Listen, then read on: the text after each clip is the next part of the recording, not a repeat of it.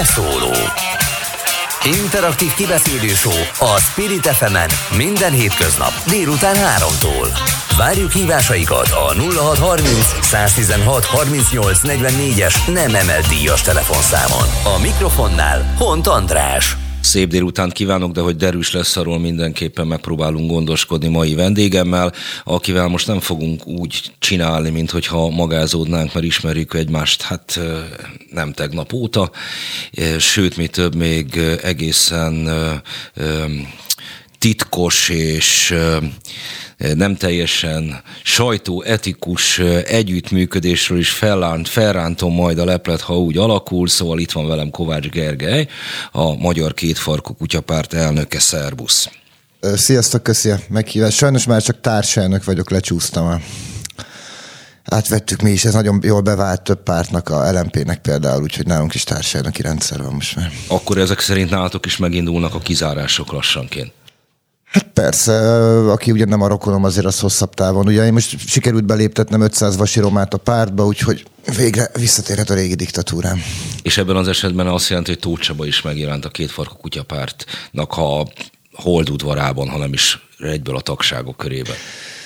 Igen, hát Tóth Csabával ugye még, még, még nem kezdtük meg azokat a tárgyalásokat, amik arról szólnak, hogy esetleg tudjuk-e őt támogatni a országgyűlési választáson, de nyilván majd megkeressük ezzel.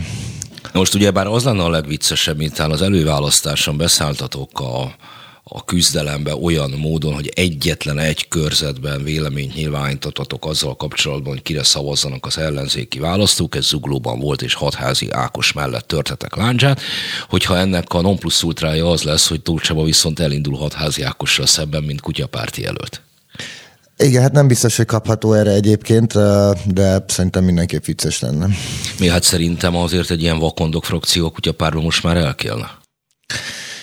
Igen, hát úgy, most Tóth Csaba azt mondta, hogy a, ha jól emlékszem, a, hogy talán vissza szeretne térni az üzleti életbe, ez szintén érdekes lehet nekem, tehát akár hogyha az üzleti életben tudnánk együttműködni, az talán még jövedelmezőbb, mint ha a politikában. Ilyen sírású vállalkozást szeretnél indítani?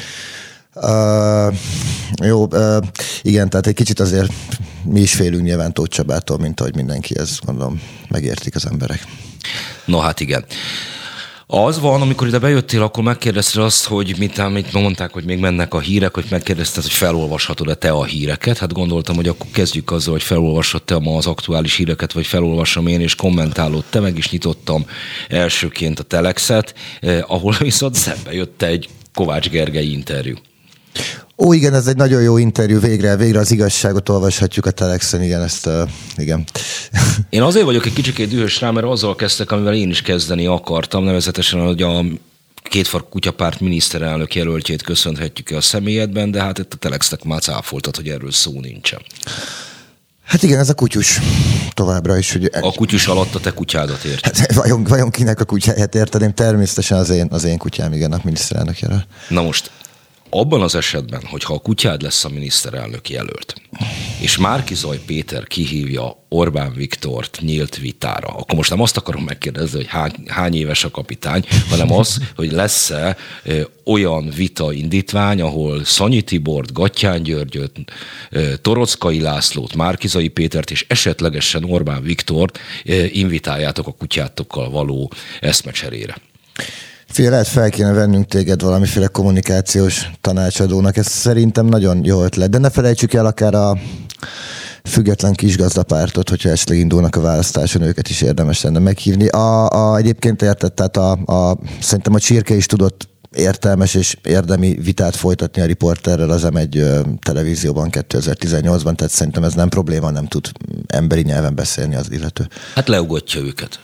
Akár, igen. Ez még viszont a parlamentben ez egy tréning lehet, mert abban az esetben már fel is lehet készülni a kövér Lászlói bírságoknak a hosszú sorára.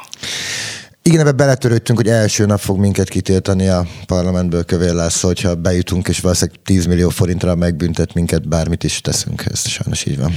Na most a független kisgazdapárt itt félig viccesen szóba kerül, de hát itt arról van szó, hogy a független kisgazda földmunkás és polgári párt 2021-es, 22-es reinkarnációja megkeresett titeket valami választási együttműködésről, mely hát hogy is mondjam, egy ilyen extra bizarr partinak a képét vetette fel nem, hogy is volt ez?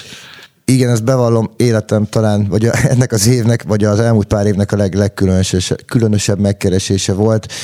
Ugye Balog valaki, most bocsánat, nem tudom a nevét, aki a kisgazdapártnak jelenleg az elnöke, hogy igazából miért az elnöke, arra nagyon nehéz rájönni. Érdemes mindenkinek megnézni a független kisgazdapárt weboldalát, itt van egy rövid uh, historical walk, amin ugye um, áttekinthetjük a történelmét. Egyébként pedig egy 25 perces beszélgetésről van egy videó, ahol végig arról beszélgetnek, hogy vajon létezik-e a független kisgazdapárt, és hát mondom, se kell a végére nem derül ki, hogy létezik-e a független kisgazdapárt.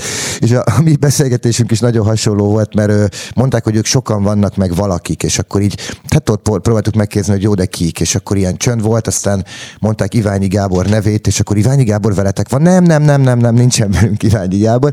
Azt sem derült ki egész pontosan, hogy mit szeretnének, az volt az alapindokuk, hogy ők hát nagyon szerették volna, hogyha létrejön már Kizaj Péternek a hetedik frakciója ugye az ellenzéken belül, és most ők csalódtak, mert úgy tűnik, hogy ez nem jön létre, és ezért megkerestek minket. Ennek ennél továbbra sincs semmi értelme a megkeresésnek.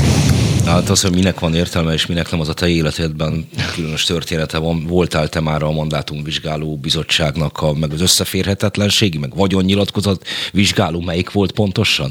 Igen, ez a, nálunk úgy hívták, hogy összeférhetetlenségi és vagyonnyilatkozat ellenőrző bizottság, néhol máshol házbizottságként szerepel. Ez a, ha, ha valamivel lehet, ha valami szimbolizálja azt, hogy, mi, hogy értelmetlenül kapnak fizetést emberek, az, az ez. Ugye le kell adni minden év elején a képviselőknek a vagyon nyilatkozataikat, és ez a bizottság pedig ugye azt csinálja, hogy bejön egy néni, aki megmondja a bizottság tagjainak, hogy igen, leadta mind a 18 képviselő a vagyon nyilatkozatát. Majd egy dologról szavaz, két dologról szavazunk, először a napirendről, ahol majd az lesz a napirend, hogy megszavazzuk, hogy leadták valóban a nyilatkozatot, ezt megszavazzuk, majd utána azt szavazzuk meg, hogy leadták a nyilatkozatot.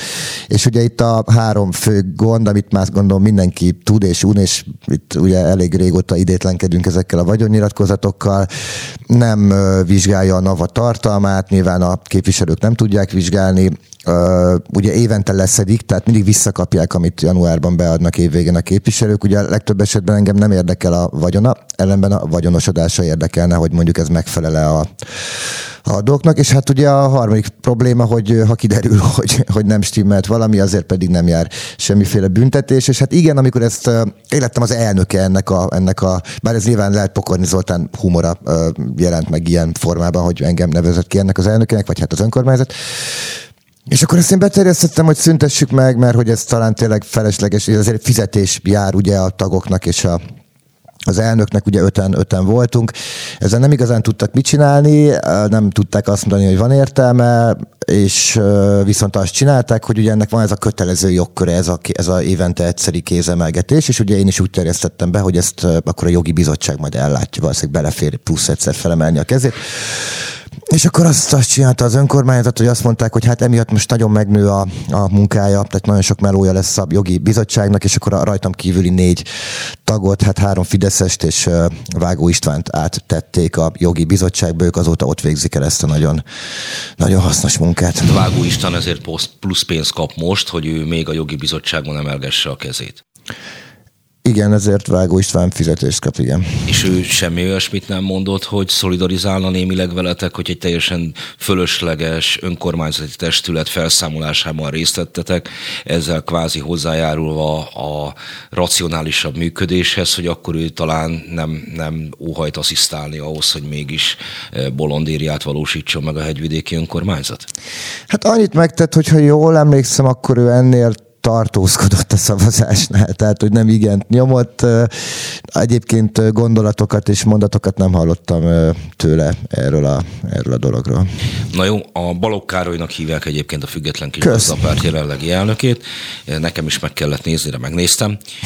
Én Hegedűs Péternél voltam leragadva, ő 2014-ben volt, azt hiszem az FKGP-nak a, a vezetője. Bocs, hogy beleszólok egyébként, csak én is rájuk kerestem, és egy nagyon érdekes felvetést találtam még a részükről, hogy ők állítják, hogy mai napig érvényes az a koalíciós szerződés egyébként, amit annó a fidesz kötöttek. Tehát végül is minket is úgy kerestek meg, hogy emellett ők még továbbra is bíznak benne, hogy élő koalíciós szerződésük van a fidesz 1998 vagy valami hasonló óta. Igen, 98 hát akkor már is lelepleződött a ti NER érdekeltségetek, végül is mindenki megfogja a mellette álló kezét, akkor már el is jutottunk végül a gazdához, a nagy gazdához, nem a kis gazdához. Szóval Balogh Károlyról beszéltünk, és akkor itt, hogyha már ez az összeférhetetlenségi bizottság került szóba, egy másik ikonikus alakot és hozzunk szóba. Ő Vince Géza, magyar szocialista párti képviselő a, a 12. kerületben, aki nemes egyszerűséggel lehülyézett azért, mert te visszavágtad a saját tiszteletdíjadat. Igen, hát ő, ő ugye alapvetően egy ellenzéki képviselőnek kellene lennie, az ellenzék közös listáról jutott be az önkormányzatba Vince Géza, és hát elej, először nem azt a bizottsági helyet kapta meg, amit szeretett volna, ő a tulajdonosi bizottságba szeretett volna kerülni, egy másikba került, és amikor pont volt ez a variálás a bizottsági helyekkel, meg jött egy új momentumos a hajnalmiki helyre, akkor a Fidesz, Fidesz elintézte, hogy a megfelelő bizottságba kerüljön Géza bácsi. Mondom se kell, hogy tök mindegy, tehát minden képviselő bemehet minden bizottságba, mindenhol lehet előterjesztése, hozzászólhat. Bár ez egyébként az utóbbi, csak egy rövid, ez nagyon vicces volt, amikor én először bementem, a, mert én beszoktam járni a vagyon, tehát tulajdonosi bizottságba, bár nem vagyok tag, de hát ugye azok a legfontosabbak, ott vannak az ingatlanadások, stb nagy pénzekről ott van szó, meg ugye a jogi bizottságban a közbeszerzések miatt, és akkor először így próbáltam hozzászólni, és akkor a, a bizottság elnöke ő kitalálta, hogy szavazzák meg a bizottság tagjai, hogy Kovács Gergő hozzászólhat-e. És akkor megszavazták, hogy nem szólhat hozzá Kovács Gergő. Na most mivel nekünk van Ez egy... Nem olvasták az önkormányzati törvényt. Igen, nem szerint. ismerték az önkormányzati törvényt, de szerencsére mellettem ült, ugye ott van nekünk egyébként, tehát van kutyapártos képviselő egyébként a, a tulajdonosi bizottságban. És külsős tag. Külsős tag, pontosan, igen. És akkor elkezdtük azt csinálni, hogy így mondatonként én elmondtam neki, hogy mit mondjon, és akkor a srác elmondta ugyanazt hangosan. És akkor ezt csináltuk egy percig, és akkor utána azt mondták, hogy na jó, akkor végül is hozzászólhatok mégiscsak. Na mindegy, tehát Géza bácsi kapott egy másik bizottságot, amiben mondom, egyébként sose ült be előtte, hiába ülhetett volna be, még plusz pénzt sem kapott, és hát azóta igazából nagyon-nagyon elégedett, és uh, nem csak jó élni a hegyvidéken, mint mondja, hanem, uh, hanem hát uh, biztonságban is élünk, és tényleg nagyon örül mindennek. Ugye Géza bácsi egyszer került elő a magyar politika történetben korábban, de erről egyébként te valószínűleg többet tudsz mesélni, mint én. A, a bajai videót. Igen, a, a bajai videó, amiben a hát Gabra Gábor, meg többen úgymond, hát ö, ott kellett hagyniuk a HVG-t, az ugye igen, volt egy ilyen sporttagozata, talán az MSZP-nek, aminek letagadták a létét, ellenben létezett a weboldala. Hát Vince Géza az, aki, akivel majdnem kiesett a Ferencváros a 80-as években. Ha, újabb, újabb nagy tett. Igen, tehát valahogy, valahogy ott átment rajtuk ez a, ez a elnevezett bajai videó, ami ugye egy ilyen kamu, kamu videónak bizonyult. Hát, hogy nem, nagyon is valóságos Vagy videó hát, volt, az, csak éppen nem azt, nem azt ábrázolta, amit, ö, amit látni kellett volna rajta. Ö, jó, na most Azért mondtam ezt itt végig Balogh Károly kisgazda elnöktől, akkor kérdeztem rá Vágó István szerepére, megemlítve szegény Vince Géza, MSZP-s képviselőt, mert hogy miközben te bekerültél 2019-ben a 12. kerületi önkormányzatba, és számtalan akcióval vétetted észre magadat, és számtalan ö, vagyoni szempontból kényes ügyben ö, próbáltál felhívni a figyelmet, vagy próbáltad felhívni a figyelmet, a közben te az ellenzékkel kapcsolatban is mély benyomásokat szereztél, vagy szerezhettél. Még egy dologról nem beszéltünk itt ellenzéket, illetve azt nyilatkoztad valahol, talán pont a Válasz online hogy, hogy például nagyon jóban voltál már emlegetett Hajnal Miklóssal, akinek annyiban merült ki a képviselői működése, hogy minden héten új frizurája volt, vagy minden nap, nem tudom melyiket mondtad. Figyelj, vannak azért, akik ott dolgoznak, tehát például a... Bal... Maradjunk még a frizuránál, jó? Aztán majd a, akik dolgoznak, arra majd visszatérünk. Először a frizura. Igen, hát tényleg viszonylag gyakran beváltozott a Miki frizurája, és tényleg nem nagyon láttam a részéről azt a, azt a fajta ellenzéki munkát, hogy mondjuk érdemben utána nézne a dolgoknak. Tény, hogy azért újdonsült képviselőként nagyon nehéz. Én emlékszem, hogy az első nem tudom hány hónap után úgy voltam vele, hogy ennek semmi értelme, kb. hagyom a fenébe az egészet. Ö, és akkor, akkor jöttem rá, hogy, hogy nem a testületi ülésekkel kell foglalkozni, hanem, a, hanem, hanem hogy úgy általánosságban kell átnézni az önkormányzat ügyeit, és akkor, akkor már érdekesebb lesz sokkal az, az egész. És nyilván, tehát aki oda kerül egy önkormányzatba, mondjuk azt azért megértem, hogy az első pár hónapban tényleg itt se kép se hang, tehát próbálja ezeket a száz oldalas előterjesztéseket megérteni. Elsőre tényleg nem könnyű, főleg ha az ember úgy kerül oda, mint ahogy a többség oda kerül Magyarországon, hogy hát nem foglalkozott ilyen jellegű dolgokkal, és Azért nem átláthatatlan egy önkormányzat működése. Nem, csak tudod, elsőre nem érted Van az építési szabályzatot, elsőre amit azért mondjuk, amikor az ember először megnéz egy közbeszerzést, akkor, vagy legalábbis nekem azért, azért meg kellett szoknom, hogy ott mit kell nézni, meg, meg milyen mintákat kell mondjuk sok évre visszamenőleg átnézni, hogy valami legyen. Elsőre hiába nézegeted az optent, nem mondanak semmit neked azok a, a helyi szereplők, a helyi könyvvizsgálónak a neve, a bizonyos címek, ahol a helyi cégek szoktak szerepelni, tehát ezért nehéz egyébként akár egy ilyen, egy ilyen kerülettel is foglalkozni, mert először marra sok időt el kell tölteni azzal, hogy egyetem megismerd a szereplőket, ami, ami tényleg tök unalmas, és tényleg azzal töltöd az időt, hogy táblázatokba kigyűjtöd az elmúlt 15 év közbeszerzéseinek a indulóit, és a, a győzteseit, és a közbeszerzés jellegét, és ez én nem is tudom, hogy ezt én miért élveztem, igazából bejött, de egy alapvetően egy marha unalmas dolog is lehet ez, hogyha úgy nézzük. Hát azért élvezted meg, korábban még nem foglalkoztál ilyen, és ez hirtelenjében más volt. Igen, lehet. Azért meg, meg nálunk azért kalandosabb, tehát azért ez az önkormányzat nem olyan, mint mint például Zugló volt. Tehát azért, az, azért ahol a, a, a Tócsava feleségének a meg a Mesterházi feleségének a cége szerződik az önkormányzattal, itt azért itt azért igazából pontosan ugyanezt csinálják. Nálunk az egészségügyi bizottság Fideszes elnökének a Sorel nevű cégével szerződik az önkormányzat, úgyhogy hülyeség, ahogy elkezdtem a mondatot. De, de, de, de, de azért a nagy pénzeknél nem olyan egyszerű azt látni, és tényleg az a szerencse, hogy 15 éve ugyanaz a vezetés van, és 15 év alatt azért, azért nagyon látszik, hogy melyikek azok a cégek, ugye, amik, amik rendszeres győztesei, illetve szereplői a, helyi közbeszerzéseknek. Hát amit más korrupciónak hív, az nálunk a politikának. A lényege mondta ezt annak idején Lánci András. Itt nem arról van szó, hogy a 12. kerületi tőkés osztály termeli ki a 12. kerületi önkormányzat? Persze, abszolút, és magyarok a szereplők, úgyhogy itthon marad a pénz, még ez szokott nagyon fontos lenni, ha jól tudom a közbeszerzéseknél. A, hát sajnos nem, a többsége egyébként nem kerületi, tehát uh, ilyen értelemben azért, azért, Majd lesz. azért kimegy a pénz. Igen, de egy után talán tudnak ott is venni. kötvény 12. kerületi letelepedési kötvényprogramot kéne indítani. Na, ezért az ötletért például felveszek némi szakértői idéjét a 12. kerületi önkormányzattól beterjeszted? Fia, erről szerintem beszélhetünk, illetve mi amúgy is akartunk egy részleges lakosságcsere programot mondjuk a 8. kerülettel, mert ez marha zavaró a kerületben, hogy bármilyen gazdag is vagy, mindig gazdagabb lesz a szomszédot, tehát pár szegényebb családot jó lenne betelepíteni, hogy mindenki tényleg kellően gazdagnak érezhesse magát. Na most, Miközben ezeket a nyalánkságokat vettük végig, nem véletlenül futtattam itt erre, ebben a Telex interjúban, ami ma jelent meg, és mondod azt, hogy életed legnehezebb hónapja volt az, amikor Márkizai Péter hát egy ilyen mini kampányt indított veletek szemben, hogy ne, ne szavazzanak az emberek a, a kutyapártra. És a tapasztalataidról óhajtottam, óhajtanék érdeklődni, hogy most eltekintve az országtól, egy ilyen mikroközegben nézzük meg, te mire számítanál, hogy ez az ellenzék, amelyiket te megismertél, holnap helyet cserélne a Pokorni Zoltán vezette önkormányzattal, és ezek a szereplők indítanák, vagy irányítanák eh, a települést, a település részt. Mi történne akkor?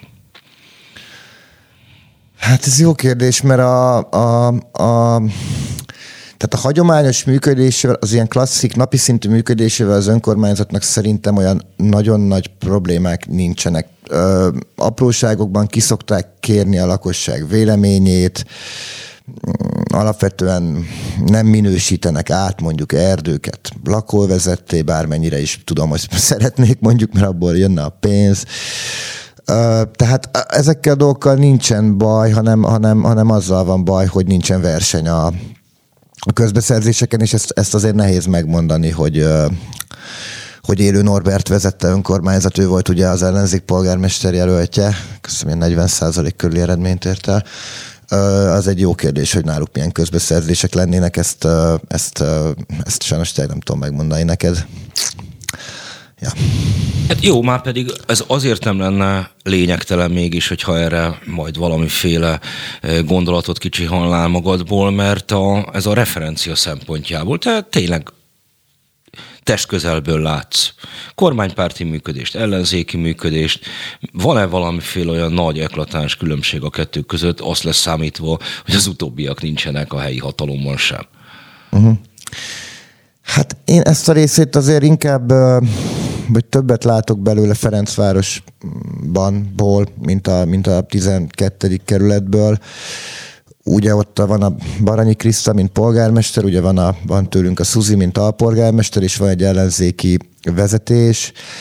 Hát ott azért olyan, amennyire én látom, nagyon nagy segítséget nem, nem nyújt ez az ellenzék a kerület irányításában sőt, bizonyos szempontokból meg nagyon idegesítőek tudnak lenni, amikor tényleg, tényleg az lenne a, a szempont egyedül, hogy szakmai döntés szülessen egy kérdésben. Színházigazgató témában volt ilyesmi például.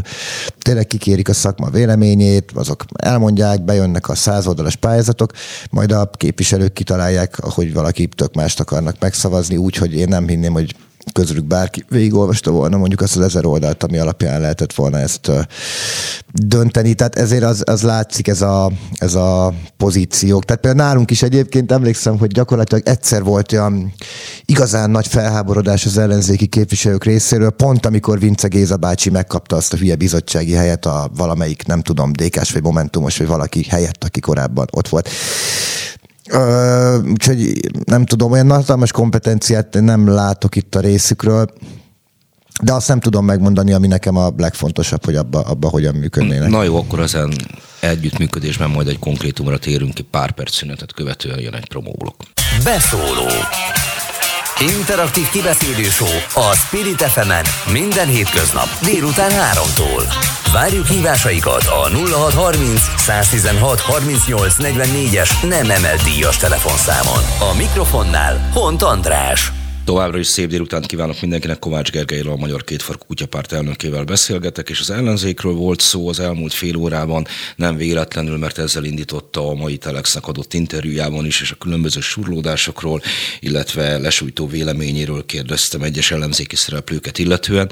Akkor most váltsunk egy picit, noha ugye azt mondtad, hogy neked azért a legmegterhelőbb hónapod volt az, amikor el, elindult veletek szemben egy ilyen lebeszélő kampány. Hozzáteszem, hogy nekem ez egy, ezért egy át, átlagos hétfő reggelem, ami neked a leg megterhelőbb hónapod volt. Na szóval, hogy van, van azért ennél harmonikusabb viszony is, van együttműködés is, pont egy ilyenben vagytok. December közepe óta, december 15-én indult, ha minden igaz, az aláírás gyűjtés a futánügyi népszavazásban, és most január 17-ét írunk, és a hét pártnak plusz a két farkú kutyapártnak még mindig nem jött össze a 200 ezer aláírás, amit hát azért finoman is csődként lehet jellemezni. Hát az biztos, hogy nagyon lassú ez az egész.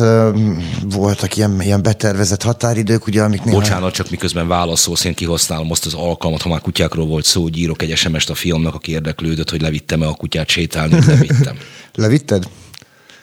Igen. Jó.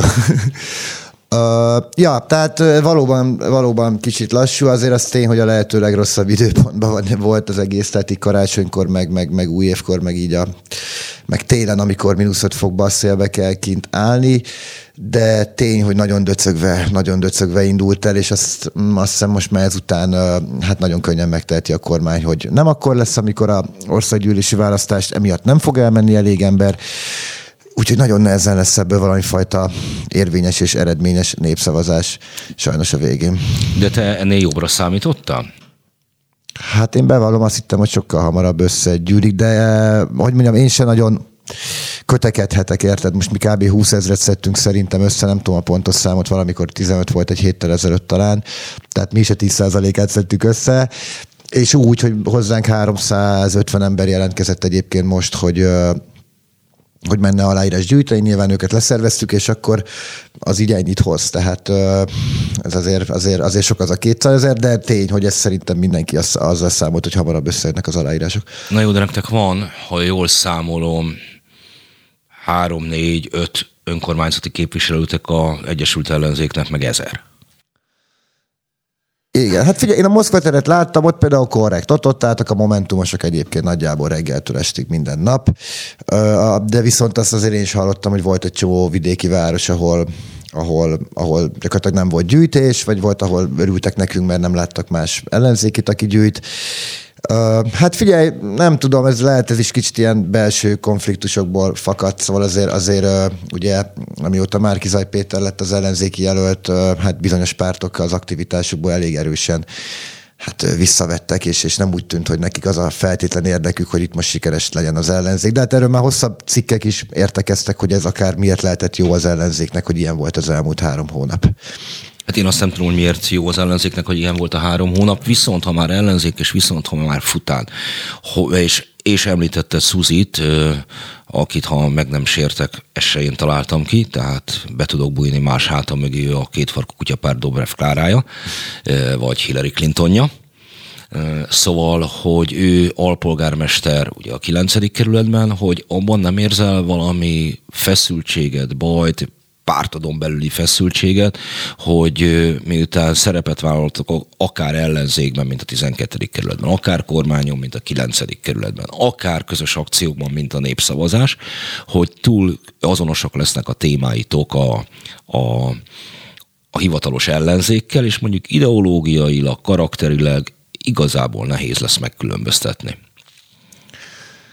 Hát szerintem ebben annyira nincs nehéz dolgunk, mert így, így tekintve, hogy a, a hat párt összefogott, én ma már inkább azt nem tudom megmondani, hogy melyik párt milyen ideológia mentén gondolkodik, tehát igazából, ha bármit mondunk, az általában már ettől könnyen különböző lehet, mert figyelj, ez mindig volt, tehát ez a, a amikor valami értelmes, nagyjából értelmes dolognak tűnt, akkor abban mi segítettünk, akár a, a, a olimpiás népszavazáskor, vagy amikor a hatházinak volt az aláírás gyűjtése. Szóval ezekben azért szerintem eddig is így benne volt a kutyapárt. Ez nyilván olyan, hogy tehát nálunk, nálunk a cselekvések tényleg azért vannak, mert vannak passzivisták, akik valamit akarnak csinálni. A, a Fudanos gyűjtésbe is azért vettünk részt, mert tényleg jelentkeztek 350 a kutyapárthoz, hogy szeretnének ezzel foglalkozni, akkor értelemszerűen mi ezt, mi ezt lemenedzseljük. Jó, de mondjuk például arról vitát, hogy, hogy feltétlenül egyetértetek azzal, amit az ellenzék gondol, arról belül rendeztetek? Hát nem hiszem, hogy feltétlenül egyetértünk azzal, amit az ellenzék gondol, itt nyilván attól függ, hogy melyik kérdésről van szó. Ezért Pont a, a Fudannal kapcsolatban... Szuzi Dömer Zsuzsa alpolgármester asszonyt faggattam itt ebben a műsorban még valamikor tavaly nyár elején, ahol is én azért annak az álláspontomnak hangot adtam, hogy én, én egy olyan városban szeretnék élni, ahol a CEU sem üldözik el, és a fután is jöhet. Abban szerintem nekünk bajunk nem lesz. Hát Fudannal szerintem senkinek nem lenne baja, hogyha nem ilyen finanszírozás lenne, meg hogyha ez a diákváros nem csorbulna miatta. Amúgy meg jöjjön ide bármilyen egyetem, persze, de persze. Jó, ez mondjuk azért nincsen alapból hangsúlyozva az ellenzéki kommunikációban. Jó, azt mondtad, hogy ebben a helyzetben, amit érzékeltél te is, te megpróbáltál azért annyiban gesztust tenni az ellenzéknek, hogy annak az álláspontodnak hangot adtál, hogy azokban a körzetekben, ahol az ellenzék esélyes, de nem egyértelműen esélyes, ott, ott inkább nem indítatok, és ez a tagságon belül viszont megütközést váltott ki. Igen, tehát volt nekem ez az interjú már nem tudom, másfél-két hónapja, amikor ezt mondtam, hogy az én véleményem a Benyúritánál, és akkor utána meg volt. Jelenben. Tessék? Jelenben? Igen, igen, igen, igen. És akkor jelent média.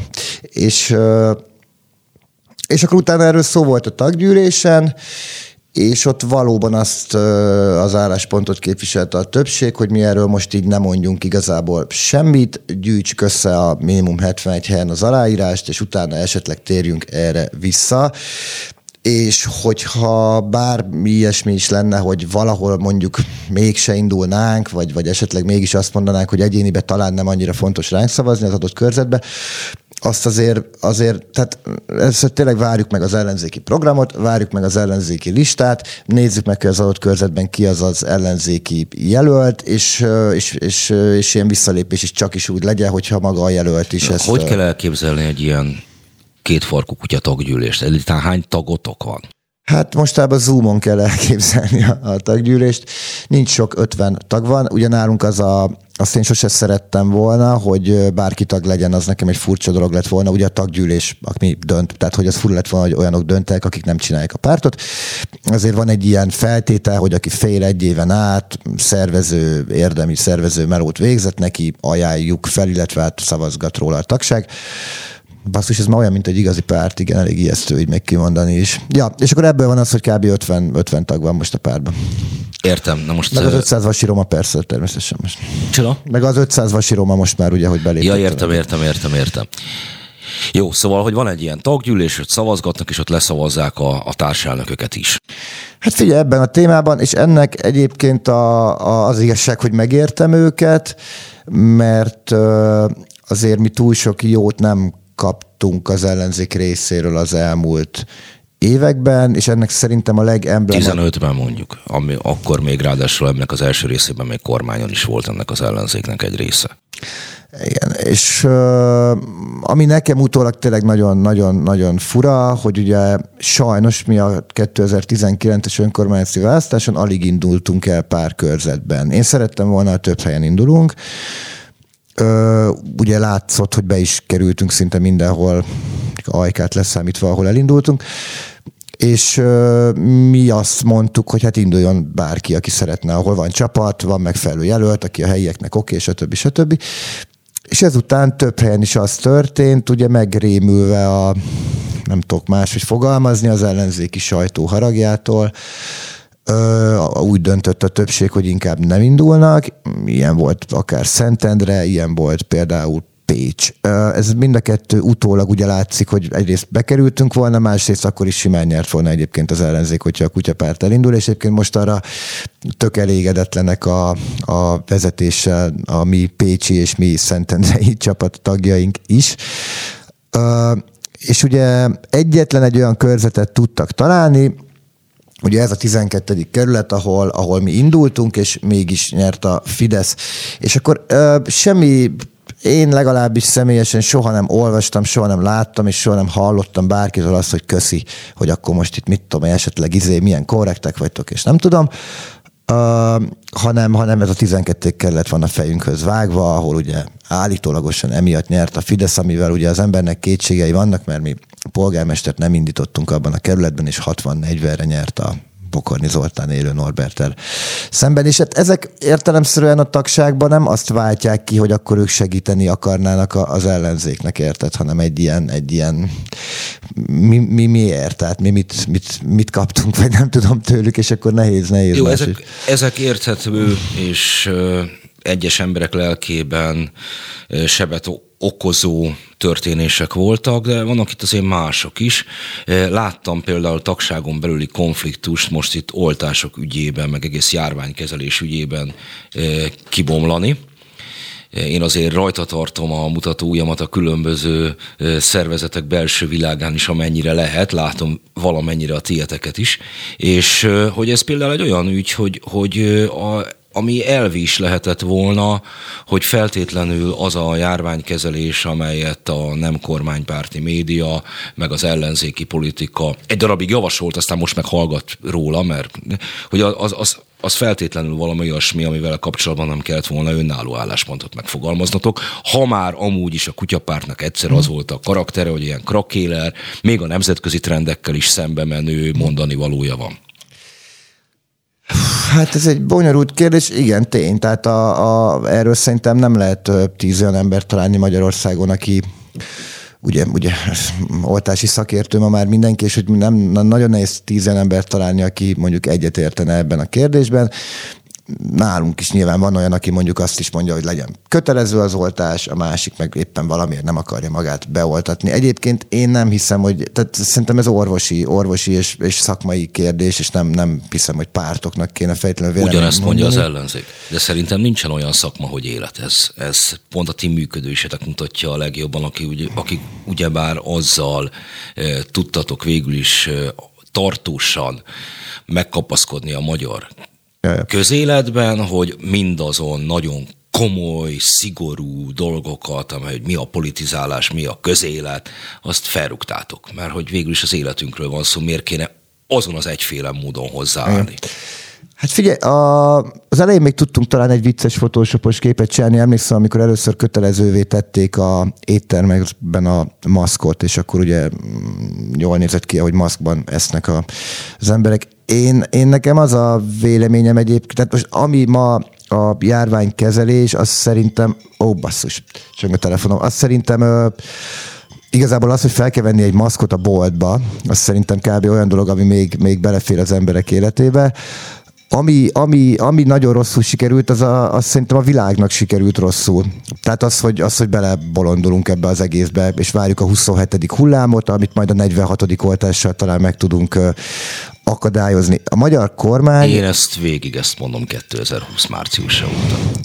Most mondom, tehát a magyar kormány meg nem, nem, nem orvosi dönt, szakmai döntéseket hozott, hanem a sajtó által, illetve hát részben a sajtó által is azért gerjesztett hangulatra próbált reflektálni. Ha utólag megnézzük, nem akkor voltak szigorú intézkedések, amikor mondjuk sok ember halt meg, hanem amikor éppen volt napi egy halott, vagy nem tudom.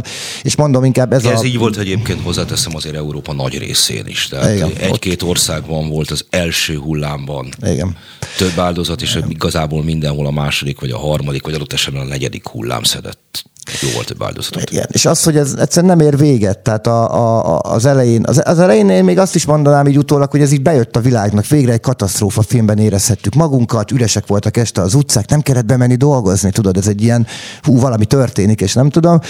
És akkor onnantól kezdve gyakorlatilag a címlapok erről szólnak két éve, és hogy nem tudjuk abba hagyni. És emlékszem, ez nagyon vicces volt, amikor karácsony előtt már kijött a mindegy valamelyik hírportálon, hogy érdemes lenne kettő maszkot viselnünk egyszerre a karácsonyi családi összejöveteleken, és akkor volt egy fotó egy fazonról, aki két maszkba volt, és ott tényleg, hát szerintem csak röhögő fej volt, mint, mint, mint, mint reakció, és csak olyan komment volt, hogy tényleg hagyjuk már abba ezt a hülyeséget. Tehát szerintem a legnagyobb kárt ez okozza, hogy nyilván tök nagy kár, a csomó halott is, de hogy a, ami a világ szellemisége, hogy ennyit foglalkozunk ezzel a, hát ha nem is hülyeséggel, de hogy nincs értelme. Tehát minden nap tényleg már az ember meghallja a 62 halott, 5473 új fertőzött, és mint egy ilyen nem látom, hogy ezt hogy tudjuk abba hagyni. Tehát e, ilyen szintű vírus Amit én lesz mindig. próbálok, az pont ez, hogy persze természetesen ezek nagyon fontos e, sorstragédiák, mondjuk ha valaki meghal.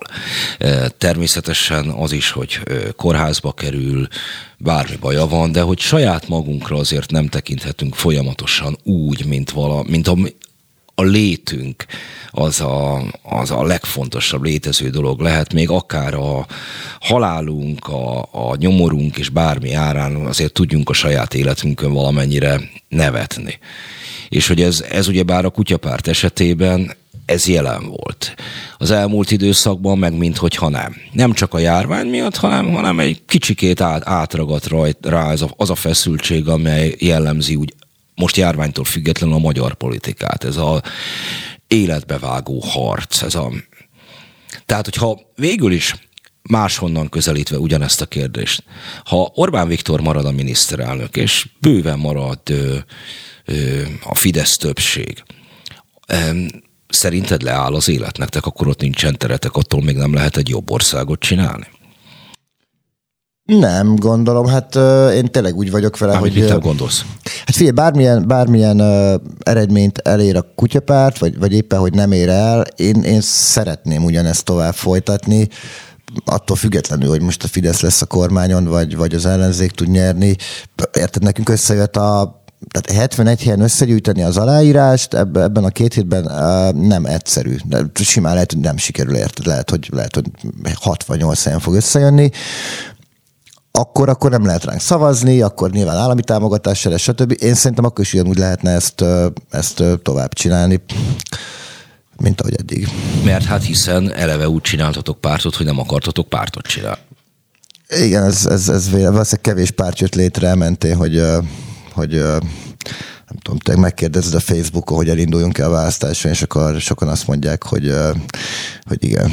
Tóth Zoltán neve mond még neked valamit? A választási szakértő? Igen, igen, igen. Persze, hát ő volt az első, aki, aki akkor még a pufajkás turul, ami a Index rovata volt annó hasábjain, hát...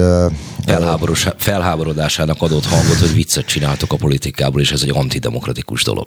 Igen, és valami nagyon csúcs szuper mondatai voltak, hogy rontjuk a többi párt esélyegyenlőségét azzal, hogy mi is ajánlásokat gyűjtünk, miközben nem is indulunk a választáson. Ha jól tudom, egyébként ő talán már a 80-as években is választási szakértő volt, de úgy tűnik az az, az oké okay volt az a fajta választási rendszer neki. Megvan persze, tényleg ő, ő, ő, az első, aki, aki beszólt nekünk ilyen értelemben, úgyhogy rá valószínűleg örökké emlékezni fog. Jó, a ellenzéknél maradjunk még egy kicsikét, meg nálatok, és mondta, hogy fel fogom lebbenteni a fájtlat néhány olyan együttműködésről, ami eh, nem biztos, hogy a, a szigorúan elválasztott sajtópolitikai viszonyban a legmegfelelőbb. Október 23-án az ellenzék hát megemlékezést tartott már az előválasztást követően. Gyászosan kevesen vettek részt. Tegnap a Mi Hazánk hivatalosan parlamenti kép, kívüli, de néhány parlamenti képviselővel rendelkező radikális jobboldali szervezet sokszorosát mozgatta meg annak a népességnek, amelyet az ellenzék október 23-án kíván. Na most én voltam az egyik ötletgazdája a kutyapártos békemenetnek, ha még emlékszel, az nem fordult meg a fejetekben, hogy mind a két ellenzéki szervezetet überelve a meghirdetett márciusi békemenet időpontjára. Tudom, hogy ti is október 23-án békemeneteztek egy igazi 2016-17-ben volt a, a nem kell Brüsszel, nem kell pénz mm, békemenet? Egy, annak a mintájára egy hatalmas gigafelvonulást rendezetek, amely mondjuk adott esetben önmagában előrevetíti a kityapárti kétharmadot. Hát igen, az igazság, hogy lassan mázva, igen, hogyha a Fidesz, vagy hát a CÖF békemeltet szervez, akkor hagyományosan illik nekünk is. Viszont annyi van, hogy szerintem valamit mindenképp ki kéne találnunk a, a legutóbbi békemenethez képest. Tehát most így őszintén nekem az már egy picit ilyen sablonos volt és unalmas volt, ugyanazt csináltuk meg. Mármint az októberi az októberin a, a, a sajátunk, a, a Fidesz nagyon erős volt persze, a sajátunk az picit unalmas volt, mert tényleg én nem láttam benne az újdonságot. Na. Tehát ugyanazok a hasonló jellegű beszédek, stb. Lehet most le kéne egyszerűsíteni, és igazából fogjuk magunkat, és elkezdünk menni hát hátrafelé. mondjuk a stop Gyurcsán, stop bárki mémemet, azt sokszorosítottátok. És még el is loptuk másoknak a mémjeit, igen. Tehát, uh, igen. Nem, aztán visszaajándékoztatok, most kim van az átlátszó falán az általatok kinyomtatott. Tényleg? Igen. Szuper. Ja, tehát ö, ö, valamit szerintem mindenképp ki kéne pluszba találni, hogy, ö, hogy, ö, hogy érdekesebb legyen, mint legutóbb, mert én azzal egy utólag nem voltam. Ott a 4 4 írt egy ilyen elég fika cikket, emlékszem, még kicsit fel is csesztek, aztán... Én csak szeretném jelezni, hogy a volt. különböző válaszaid miatt jelenik meg, a, vagy hallható a műsor előtt a 12 éve lóliaknak nem, nem ajánlott. Tehát, hogy sikerül azért olyan vendégeket beválasztani, amelyiknél ez, hogy is mondja, nem feltétlenül média tanácssal összeegyeztethető válaszadási metódust tűznek. Egyébként pont meg is akartam kérdezni, hogy akkor most itt nem lehet nem, lehet nem váltó műtéteket akkor óvodásoknak népszerűsíteni, mert úgyse hallják, ugye? Mert hogy 12 év alatt nem, és akkor... Nem, ezeket erről még a kérdezni akartalak, de ezt most már toljuk át a következő óra elejére kifejezetten a, a nem váltó műtét és a népszavazás, amire, hát, amire ugye gyűjtöttetek, és ehhez képest ö, egészen más üzenet lesz. Hát nem, tudom, mit csapjunk is bele. Békemetet akartak csinálni, oké, rendben, letudva majd kitaláltok valamit, de jön a népszavazás, amire gyűjtöttek ti is ö, egyfelől, viszont a kormánynak is van egy népszavazása, ugye a nem váltó műtét, meg gyermekvédelmi népszavazás, és ti meghirdettétek most a nem igen választ. Ti melyik nemre mondtok akkor igent? Hát itt ugye az a nagyon érdekes, hogy tényleg sikerült eljutni a kormánynak eddig a kérdésig. És ugye ez egy nagyon hosszú út volt onnantól kezdve, hogy ha még emlékeztek, ugye először a IMF-fel volt probléma, majd a bankokkal, aztán nem tudom, jöttek a telekom cégek, majd jöttek a, a melegek, és a hajléktalanok, és a, a bevándorlók, és a, és a drogosok, és, a, és gyakorlatilag elfogy, elfogytak azok a társadalmi rétegek, akiket tud uh, új, újszerűen, tehát hogy akiket még nem rugdosott a Fidesz, és hogy tényleg ezt a hát nulla főből álló társadalmi réteg ellen csinál egy népszavazást, akik ugye bemennek és óvodásoknak népszerűsítik a homoszexualitást. Tehát, hogy tényleg sikerült ennyire kiüríteni azt a csoportot, de egyébként mondhatjuk azt is ezt, hogy jó, tehát az tök jó, hogyha olyan ellenségeket mond a kormány, akik, akik nincsenek, hiszen akkor nem lesz ellenük, illetve lehet gyűlölni azokat, akik nem váltó műtéteket akarnak ugye csinálni, de tényleg valószínűleg viszonylag kevés embert érint ez, hogy akkor emiatt őket megutálnák. Te egyébként ilyen belső feminista vitákban részt Tehát látod azt, azokat? Úristen, el, félig meghallgattam a Vaj Marcinak, de, de nem csak félig tudtam Hű, meghallgatni. Most ezzel, ezzel például kiírtad magadat a progresszívek közül. Igen, ott volt az a lány, akivel beszélgettek, tényleg megpróbáltam végighallgatni, de nem, nem, nem, nem sikerült. Ba, a Zsófi, Zsófi, Igen. Zsófi, bocsánatot Igen. kérek, hogy Horvát vagy Balog, azt hiszem, hogy ő is Balog, tehát lehet, hogy ez, lehet, nehéz lehet belőle még kis gazda elnök is. Mert... Nem, tényleg az volt az érdekes, hogy hallgattam egy tíz percig, és ott nem jöttem rá, hogy kinek mi a baja végül is a másikkal. Az látszott, hogy ők már nagyon nem szeretik egymást, de hogy miért, azt... Nem, ez a vita egyébként, téma. egyébként van, és miközben valóban pár ezreléket érint, a, a magyar értelmiségnek is homlokterében helyezkedik el. Na jó, de szóval azt azért még mindig nem mondtad meg, hogy miközben nem igenre búzítottok, ez melyik nemre mond igent? Ja, hát ez az érvénytelen szavazás lenne, ugye, ahol a igent is, meg a nemet is kiválasztjuk, és akkor ezáltal lesz érvénytelen. Ugye mi 16-ban már ezt toltuk, az akkori hasonlóan nagyon értelmes népszavazáskor, ott talán egy 6-7 százalék érvénytelen lett. Ami nem volt szerintem annyi kettő öt. volt, de talán, de hogy... Ne, a... szerintem 6, de nézzük meg Majd közben. meg fogjuk nézni, nézni itt a szünetben. Igen. Minden esetre azt mondtátok, hogy ha nem az érvénytelenek nyernek, akkor a kutyapárt elzárja a pénzcsapokat. Ehhez képest nem az érvénytelenek nyertek, és a pénzcsapok még, ez, még mindig ömlenek. Hát azt nem mondtuk, hogy hol zárjuk el és milyen témában. Tehát például Tanzániának sokkal kevesebb pénzt utal azóta Magyarország. Tehát fontos, hogy pontosan értsük a mi kijelentésünket. Ja, de igazából az a lényege, ugye, hogyha a, nem szavazol sem, semmire, abból nem derül ki a véleményed, lehet, hogy csak, mit tudom én, izé, Angliába voltál éppen dolgozni, vagy nem tudom. Ha meg így aktívan mind a kettőt behúzod, akkor azért aktívan jelzed, hogy ennek nincs értelme. Hát reméljük, hogy minél többen ezt választák, és akkor nem lesz eredményes és vérvényes ez a fajta hülyeség. De hát akkor végül is a nemet mégiscsak átváltjátok valamire, vagy az igent nemre, de ennek filozófiai kibontását most már tényleg bízzuk a következő órára. Hírek jönnek majd, és a hírek után pedig jövünk vissza Kovács Gergely, a Magyar Kétfarkú Kutyapárt társelnökével beszélgetek. Hát ez egyébként tényleg elment mellettem, hogy nálatok is időközben társelnöki rendszert vezettek be, de hát haladni kell, a korral hírek után jövünk. Beszóló Interaktív kibeszélő a Spirit fm minden hétköznap délután 3-tól. Várjuk hívásaikat a 0630 116 38 44-es nem emelt díjas telefonszámon. A mikrofonnál Hont András. Továbbra is szép délután kívánok mindenkinek, én Kovács Gergely, a Magyar Kétfarkú Kutyapárt társelnökével beszélgetek mindenféléről. Legutóbb például ott hagytuk abba, már mint az előző óra végén, hogy már kicsikét sematikusnak érezted a legutóbbi kutyapárti békemenetet is, és valami újat kéne kitalálni. Ez nem igaz az egész magyar politikára és benne természetesen a kétfark kutyapárt működésére is. Most az ellenzék, és főleg az ellenzék miniszterelnök jelöltje, Márkizai Péter olyan, mint egy újszülött, akinek minden vicc új, végigmondja azokat a dolgokat, amelyeket az tíz évvel ezelőtt is aktuális volt, szóval ilyen volt már érzése van folyamatosan az embernek. Hogy, hogy én értem, hogy a, a ner nagyon sok kritika sorolható fel, ezer okból, aki nem szereti, tud rengeteg dolgot mondani, amiatt szerinte ezt meg kéne haladni, de csupa, csupa, csupa, csupa olyan dolog forog jelen pillanatban a magyar közbeszédben, ami már évekkel ezelőtt is jelen volt. Hát most erre mit mondják, ez, ez Ugye? Hát egy, van egy pártod. Így, hogy 12 éven aluliak nem hallgathatják a műsort, így, így nehéz. Ö, hát figyelj, nálunk, nálunk igazából a, ami talán változás, az, az talán az, hogy mi tényleg azt gondoltuk most, hogy talán akkor tudunk egy kicsit, uh, akkor tudunk a legviccesebbek lenni, ha talán mondunk pár nem feltétlenül vicces dolgot, hogy mondjuk miket uh, szeretnénk csinálni, hogy úgy alakul, hogy, hogy mondjuk erre van lehetőségünk a parlamentben.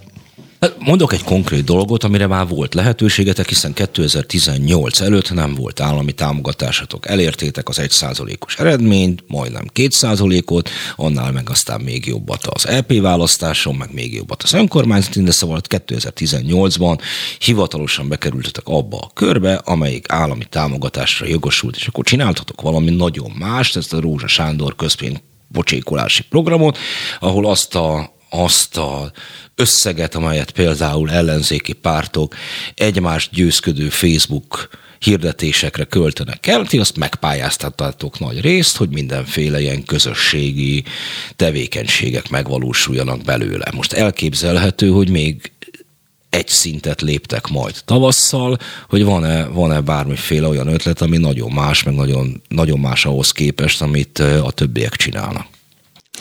Hát a, ebben is unalmasak vagyunk látott, tehát a kampánypénzzel ugyanazt fogjuk csinálni, mint a 18-ban csináltuk. Annyiban szintlépés, hogy ez most egy nagyobb összeg, mert több jelölt kell, és itt több pénz jár, és akkor itt most azért nem 150, hanem 300 millió forintot tudunk megpályáztatni és hát bőven marad még így is egyébként pénz arra, hogy lehessen ö, ö, normális kampányt csinálni. Egyébként ami nekünk az állami támogatás amilyen szempontból a legjobban jött, hogy a, a, ezeket a városfelújítós projekteket azért azokat szerintem nagyon fel tudtuk futtatni akár a, a tavalyi évben, tehát hogy most tényleg volt 30-40 millió forintunk arra egy évben, hogy felújítsunk dolgokat, az egy nagyon, ha valamiben, akkor ebben szerintem tényleg tök, tök nagyon sikerült lépni, sokkal több emberrel, sokkal több városban, sokkal több minden sikerült így megcsinálni. Ha már itt tartunk, Márki Zai Péter befogadta a hódmezővásárhelyre több projekteteket is. Csak itt most van egy kis zavar azzal kapcsolatban, hogy ti most beszélő viszonyban vagytok-e az ellenzék miniszterelnök jelöltjével, sem. Legutóbb azt mondtad, hogy nem egyeztettek, miközben még nyáron azt mondtad, hogy egyébként beszélő viszonyban vagytok. Hát a túlzás, hogy beszél viszont vagyunk. Ugye akkor beszéltünk, igen, amikor, a, amikor felcsútról el kellett hozni a buszmegállót, amit építettünk, és akkor azt ő mondta, hogy vigyük vásárhelyre. De hát ez mikor volt? Ez négy éve, vagy nem tudom, elég régen volt, vagy három.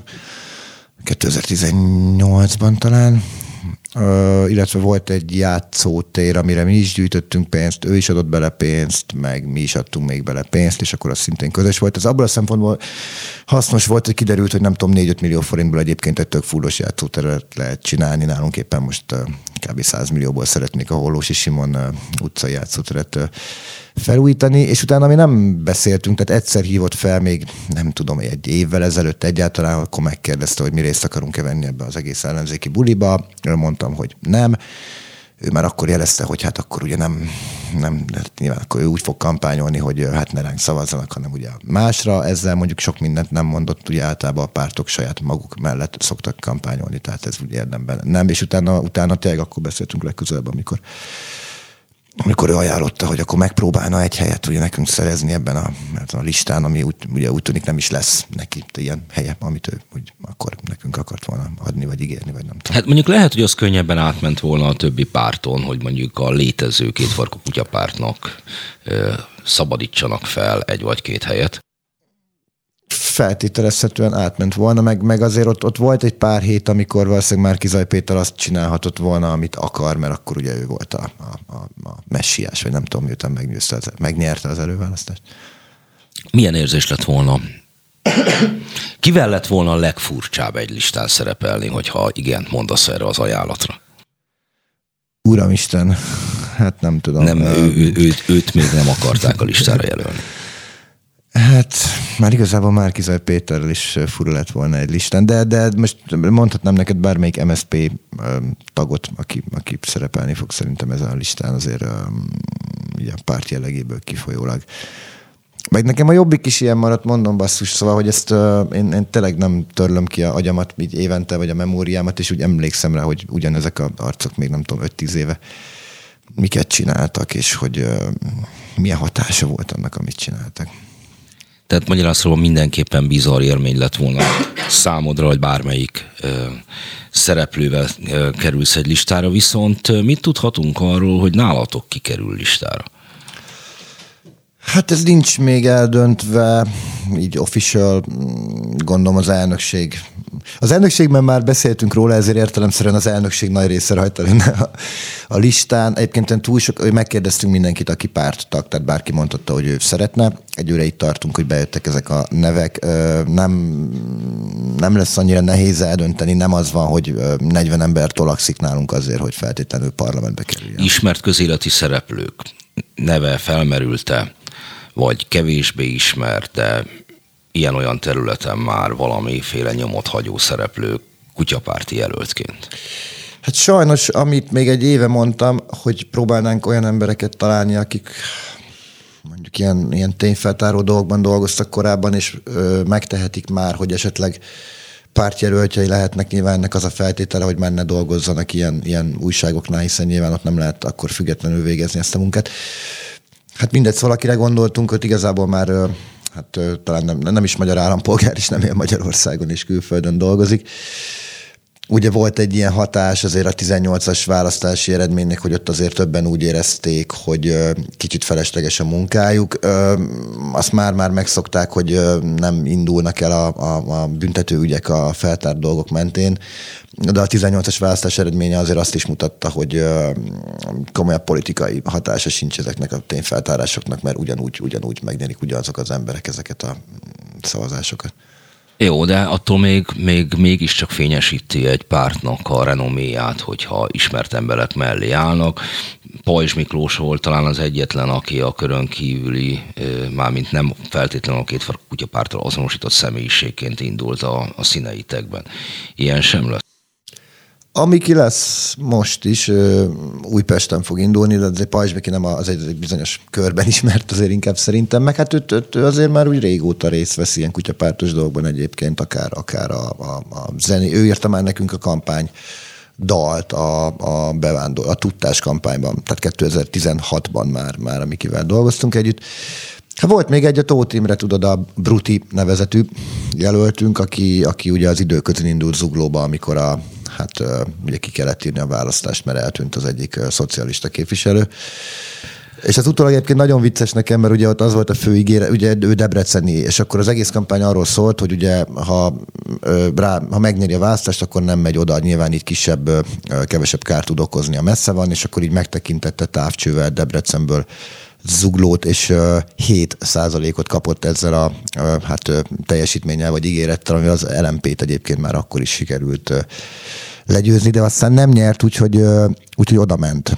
És akkor ilyen rokkant parkolóhelyekre állt, meg, meg átirogatta a boltok ár céduláinak a, a számait, tehát jó lett volna, ha ő nyer, és akkor nem kell oda mennie. Mi történik abban az esetben, hogyha valami Hát még tulajdonképpen még csak nem is azt mondom, hogy valami hihetetlen nagy meglepetésre, hanem csak az egyik lehetséges opcióként az jön ki, hogy április negyedike hajnalban kiderült, hogy a két farkú kutyapárt megnyerte a Magyarország gyűlési választást. Milyen utána? Hát azt hiszem, a győzelmünk esetére azért, azért az volt mindig is az ígéret, hogy akkor el, elutazunk uh, nyaralni, nem tudom, egy ilyen fél év, fél év, egy éves időtartamra. Volt valamelyik ország, ahol nem volt kormány egy éven át, talán nem tudom, még 10-15 éve, 20 éve Belgium vagy Hollandia valamiért nem volt kormány, és tök jól elműködött az ország, úgyhogy ez... Hollandiában például most egy évig nem volt hivatalban Na, lévő kormány, most évvégén sikerült Rutténak újra kormányt alakítani, és valóban egészen jól ment, és azóta nyomorgatja Rutte újra a hollandok életét, amióta újra nem így vezető kormányfő, hanem valóságos miniszterelnök. E, valóban ez elmenne, de én az a helyzet, hogy nem hiszek ebben neked, mert azt is megígérted, hogyha be fogsz jutni a 12. E, kerületi önkormányzatba, akkor hány méteres szobrot is emelsz magadnak? Hát 20 méteres szoborról van szó, de ezt lehet úgy is érteni, hogy 20 darab méteres szobor utóbbi. De az se valósult meg. 20 kerti törpe Kovács Gergely sincsen, nem hogy egy 20 méteres. Persze, hát van még két és fél évem. Egyébként erről az önkormányzat tehet.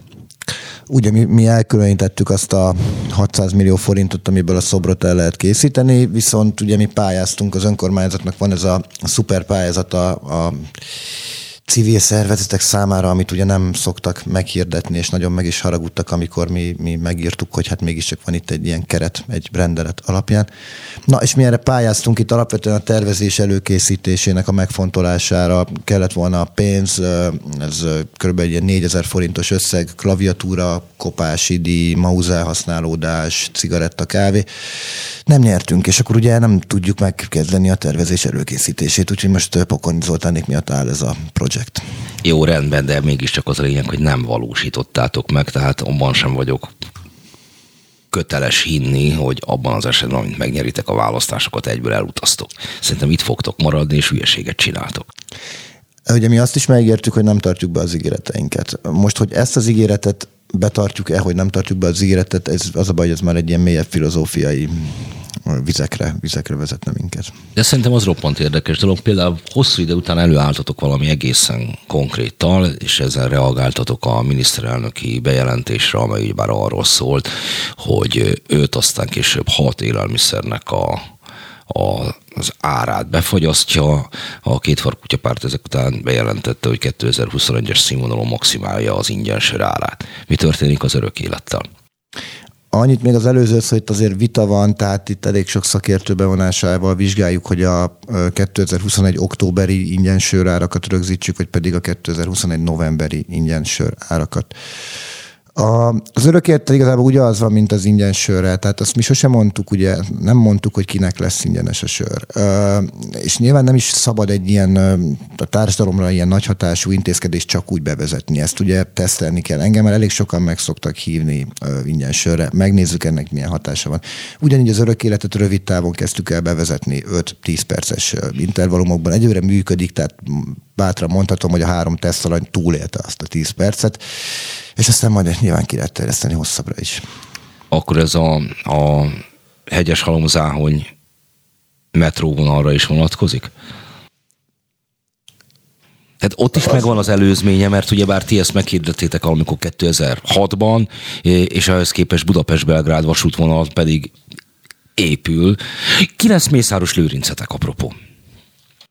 Hát még továbbra se, se érkeztek meg azok az összegek, amiket várnánk ezektől a, a szereplőktől, akik.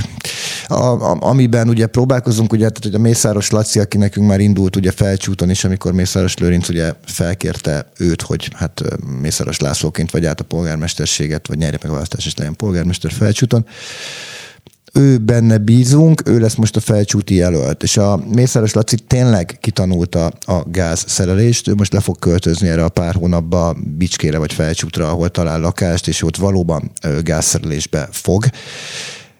És meglátjuk, hogy ez akkor milyen vagyont jelent majd egy pár hónap múlva. Hát ez akkor szokott realizálódni, hogyha a, akiknél gáz szereltem, azok kormányra kerülnek. Igen. Tehát először azt kéne, hogy meghív magadhoz, hogy nálad szereljen valami gáz. Itt az a baj, van egy nulladik lépés, ilyen Csillebérci üdülőtelepen lakom, ahol nincsen bevezetve a gáz, úgyhogy uh, nálam sajnos nem tud, nem tud gyakorolni ilyet. Parakovács Imre volt az ismerőseim közül az utolsó, aki arra fele fordult meg. Uh, jó, én minden esetre akkor elkerülöm a környéket. Uh, Oké, okay, rendben. Mészáros Lőrinc jelöltetek még egyelőre van, van-e mellé akkor Várkonyi Andra jelöltetek, és kiben gondolkodtok? Uh, Várkonyi Andrában nem, de, de, de van egy passzivistánk, akit Orbán Viktornak hívnak. Őt szerettünk volna elindítani már, már főpolgármester jelöltnek is Budapesten.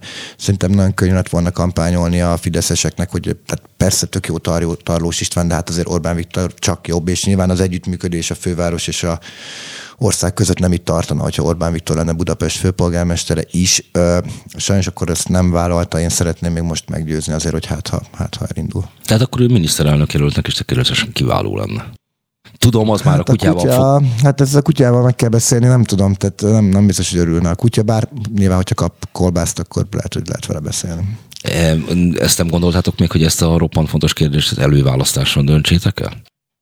A kolbászt, vagy a... Ha kolbászt is eldönthetik azzal, de hogyha ja, mégis kutyát. van egy Orbán Viktor nevezetű passzivistátok, plusz ott van a kutyát, hogy akkor mégis a kutyapárti tömegek kibe helyezik bizalmukat. Hát ugye az, hogy az én kutyám, tehát én, én nem nagyon nyitnék más jelöltek felé, ez így, ez így, ez így tök jó. És nálatok mi van ilyen demokratikus centralizmus? Hát most arra, most arra igen átvette a, átvette a párt a, az uralmat így a, a, a elnökség vagy a társelnökök felett. Figyelj, nyilván azért ezt képzelhetik az emberek, hogy iszonyatosan sok döntést nem kell meghozni a kutyapártba. Az, hogy az a pad milyen színű legyen, vagy hogy az a busz megálló milyen mintájú legyen, ha mondjuk nem pöcsök lennének rajta, merem mondani, mert 12 év alatt nem hallgatják. Tehát olyan nagy döntéseket nem kell hozni, de, de, de például alkalmazottakról, meg pár dologról mondjuk tényleg így a, a többség szokott, a tagság szokott. Mi a véleményed arról, amit a miniszterelnök most a másik Orbán Viktor posztolt itt a hétvégén, tehát a disznóvágáson való előfordulásáról. Ez miként illeszkedik a e, kutyapárti issúba? Szeretnénk erre mindenképp válaszolni majd egy ilyen vega, vega disznóvágással, ilyet már csináltunk egyébként 18-ban, ahol mindenféle gyümölcsökből, meg zöldségekből volt elkészítve egy disznószerű alakzat, és akkor azt rituálisan levágtuk. Hát a miniszterelnök úr a nép gyermeke, és hát ugye ezt láthatjuk napról napra. Ő egyébként a disznóvágáson, mint ahogy az általában a nép gyermekeivel elő szokott fordulni, pálinkával köszöntötte a leölt állatot, illetve magának a disznóvágásnak a tényét, és nem sokkal előtte vagy utána, mindenképpen körülbelül egy időben te a marihuána fogyasztás legalizálására tettél javaslatot, tehát akkor nátok a vegán disznóvágás lenne kötelező marihuána szívással? Bevallom nekem, ez a disznóvágás mindig nagyon fura, mert igazából megtestesít mindent, amitől rosszul vagyok. Tehát amikor felkelsz reggel hétkor, kimész a hidegbe. Nem, nem, az, az öt inkább. Öt. Felkelsz ötkor, kimész a hidegbe, a nulla fokba, töményt iszol, és közben ilyen véresen vágsz egy állatot. Tehát ez, ennél borzalmasabb programot bevallom, én sose, nem voltam sose ilyen, de nagyon-nagyon rosszul hangzik. Hát a, a, a füvet azt meg szerintem már mondjuk egy ideje, néha megjelenik valamilyen sajtóban, Ö, persze, tehát az, az, az egyértelmű, hogy, hogy ezt nem kéne tiltani, tök felesleges, aki akar, ma is tud füvet venni, de mégiscsak azért indulnak néha eljárások, ami kellemetlen embereknek. És én már a diszkriminál, vagy a dekriminalizáció az meg szerintem egy ilyen nagyon felemás dolog, tehát amikor megbünteted azt, aki termeszti, de nem bünteted meg azt, aki fogyasztja, annak szerintem ebben a formában semmi értelme. Csak hát itt is nagyon vigyázni kell, hogy nehogy nemzeti kenderboltok legyenek, és hogy nehogy bizonyos alföldi területek bizonyos oligarchák kezében zajjon a, a marihuana. Képzeld el pedig mennyire jó lenne, amikor a kenderre írják ki a tendert. Az első magyar kender tender is már Hát meglátjuk, hogy a választásig mész Az egyébként lőrincék. nem jutott összetekbe, hogy anélkül, hogy ezt a terméketlen vitát folytatok, de hát miért indulnatok el, miért ne indulnánk, Fidesz segítitek, nem a Fidesz segítjük, stb. mondjuk megfogalmaznátok néhány ilyen egyértelmű követelést, ami hozzáteszem, nem is biztos, hogy az ellenzéki közvélemény többségétől távol áll, hogy jó, akkor nézzük meg, hogy gyakorlatban, hogy amíg nem indulunk, az ellenzék mondjuk a mm, marihuána fogyasztás legalizációját vegye be a programjába. Ugye erre mit válaszolnak? Hát az, hogy válaszolnak valamit, aztán majd csinálnak valamit, tehát ezeket szerintem könnyebb elérni, hogyha tényleg ott vagy a, a parlamentben. Igazából egy nagyobb témakör van, amit úgy nagyjából már azért átbeszéltünk, meg összeírtunk, és ezek, ezek ugye átláthatósággal kapcsolatos felvetések, ö, ö, személyes felelősséggel kapcsolatos felvetések, és úgy, úgy elég sok minden a korrupcióval kapcsolatban, ami nem kerülne pénzbe, de, de, de, de azért megnehezíteni a lopást legalább a, a jövőben. Ez nekem nagyon fárasztó ez a, ez a, már most már nem tudom, éppen elszámoltatásnak hívják, néha valami jobb, jobb szót is tudnak rá mondani, de hogy azért az elmúlt 30 év alapján nagyon nehéz azt gondolni, hogy itt lesz valami fajta érdemi elszámoltatás, akár a szándék, akár a lehetőségek miatt. Most tényleg a legegyszerűbb példa, közbeszerzéseken nyerik ugye ezeket a pénzeket, egy közbeszerzést ugye érdemben addig lehet megtámadni, amíg nem zárult le. Addig, addig lehet, és addig ezt uh, meg lehet szüntetni, hogyha problémás. Utána nem lehet, és uh, ha ki is derül, hogy mondjuk a ajánlat kérő olyan versenykorlátozó feltételeket szabott, hogy emiatt mondjuk egy cég tudott elindulni, vagy elkövetett bizonyos hibákat, akkor, akkor őt fogják megbüntetni. Tehát, hogy tényleg senki ne reménykedjen abba, hogy majd pénzbírságot kap Mészáros Lőrinc cége, mert mondjuk úgy volt kírva az alaptender, hogy ő nyerje meg, sajnos, sajnos ez fordítva van. És itt ugye ugye a korrupció ellenes ügyészség, ha jól mondom, ezt szokta mondani az ellenzék, és nyilván, nyilván fontos, hogy legyen olyan, olyan független szervezet, ami ezekkel érdemben tud foglalkozni sok alkalmazottal, de hogy ugye ezek a szervezetek igazából léteznek ma van közbeszerzési hatóságunk, van gazdasági versenyhivatalunk. És itt az a nagyon nagy probléma, hogy ezek a szervezetek nem indítják el maguktól, tehát nem proaktívan teszik a dolgukat, hanem, hanem újságíróknak, önkormányzati képviselőknek kell, kell azt, a, azt a hatalmas munkát elvégezni, ami alapján egyáltalán be tudott küldeni a GVH-hoz, hogy azt mondod, hogy hoppá, figyelj, mert tényleg ugyanaz a 10 cég 15 éve nézzétek már meg, hogy ez nem -e problémás. Jól van, akkor innen folytatjuk, megint jön pár perc szünet, és aztán jövünk vissza. Beszóló Interaktív kibeszélő show a Spirit fm minden hétköznap délután 3-tól. Várjuk hívásaikat a 0630 116 38 es nem emelt díjas telefonszámon. A mikrofonnál Hont András. Továbbra is szép délutánt kívánok mindenkinek, Kovács Gergelyel, a Magyar Kétfarkú Kutyapárt elnökével beszélgetek. Nem kaptunk egyértelmű választ arra az előző fél órában, hogy mi történik akkor, amikor április 4-én megnyeritek a választást. Egy lózungot mondtál, hogy el fogtok utazni, ebben én nem hiszek, mert ugye a szobrodat sem építették meg a 12. kerületben. Ezt most itt előbb Pokorni Zoltánra fogtad, de hát ilyen kifogásokat mindenki tud találni. Summa summarum, ez, ez ez még mindig nem teljesen világos a magyar választóközönség előtt, hogy mire számíthat abban az esetben, hogyha, hogyha a választást megnyeritek, de mi történik akkor, hogyha nem nyeritek meg, de bekerültek a parlamentbe, és senkinek nincsen kormány többsége nélkületek, de veletek mindenkinek megvan. Hát akkor örül, örülhet az ellenzék, mert mégiscsak sikerült valamilyen formában összehozni, hogy együttműködjünk. Tehát akkor, akkor, akkor az lenne, hogy mondom, lennének bizonyos keretek, amik mellett például ezek az átláthatósági dolgok szerintem tök fontosak lennének, hogy ezeket át lehessen vinni. Koalíciós kormányba bemennétek? Nem hiszem, szerintem, szerintem érdemesebb egyesével megnézni a adott javaslatokat, hogy azok támogathatóak-e. Tehát az, hogy most a kutyám államtitkár lehet mondjuk, és, csak akkor cserébe mi majd mindent megszavazunk a következő években, az szerintem a, a kutyának jó talán, de, de, de, de a pártnak nem. De lehet, hogy unná. Igen. Jó, de akkor mégiscsak van egy szavazás rögtön az elején, amit mivel valahol át vagy bét kell mondani, föltehetőleg ott fog szerepelni az, hogy akkor felkéri a köztársasági elnök, először Orbán Viktort, ha mondjuk övé a legnagyobb frakció miniszterelnöknek, és hogyha ez, erre még könnyen tudtok nemet mondani.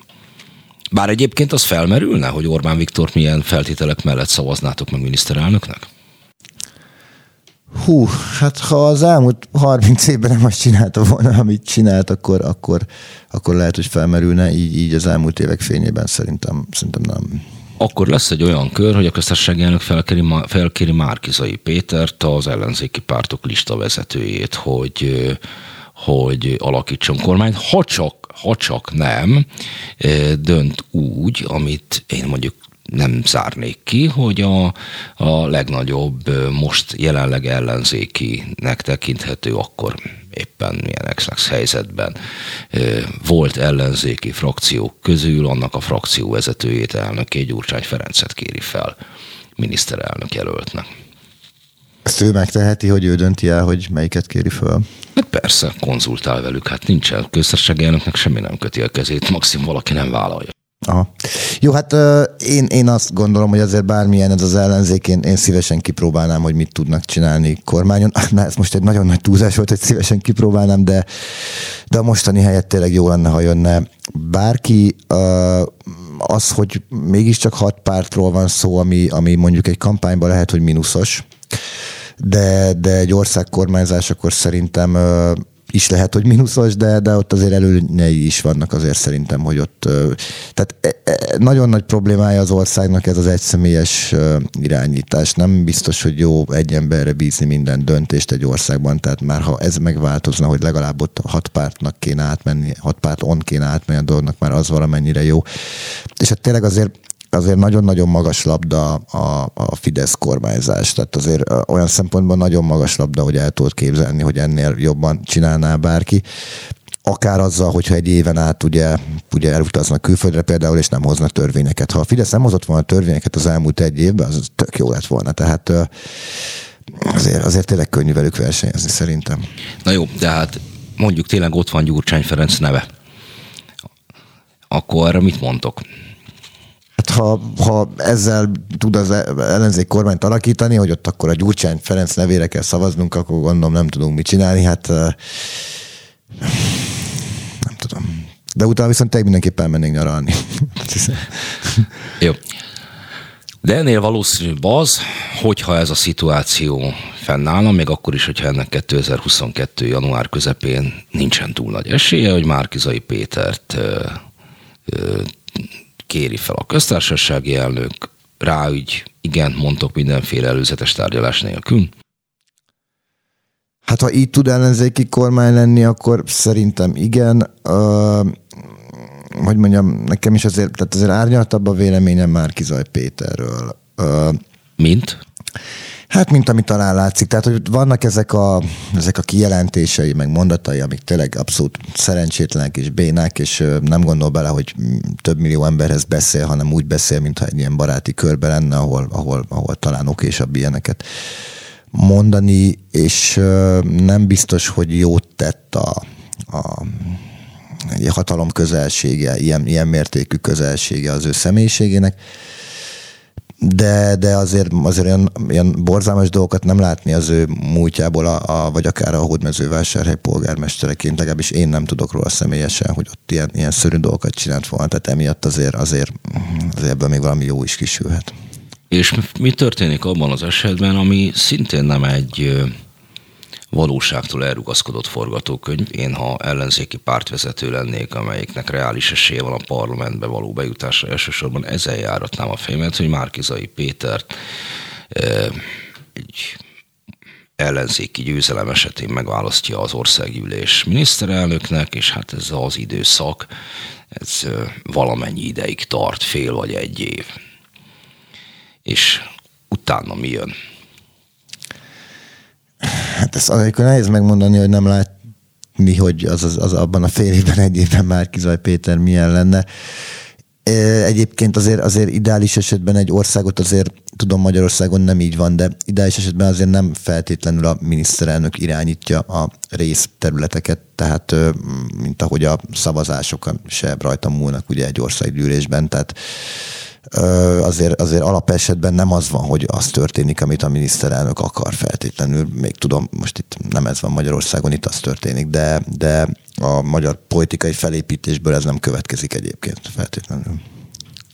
Hát azért egyébként hozzáteszem, ez, ez egy világtendencia, hogy a, a vezető kormánypártok elnökei, azok mind a végrehajtásra, mind a törvényhozásra rányomják a saját bélyüket, ez nagyon nehéz kiúzni, nyilvánvalóan vannak, vannak fokozatok. Azt mondtad egyébként, hogy életed legnyomasztóbb egy hónapja volt, amikor Márkizai Péter elkezdte veletek szemben ezt a kisebb hadjáratát, többször idéztem ezt már ebben a műsorban is, illetve azt is mondtad 2019 őszén, hogy te nem akarsz a nép ellensége lenni, ezért nem állítotok főpolgármester jelöltet meg, meg elég is volt. Arra fel vagy készülve, hogy mindez kismiska volt ahhoz képest, ami egy áprilisig jön, kettő adott esetben április után következik.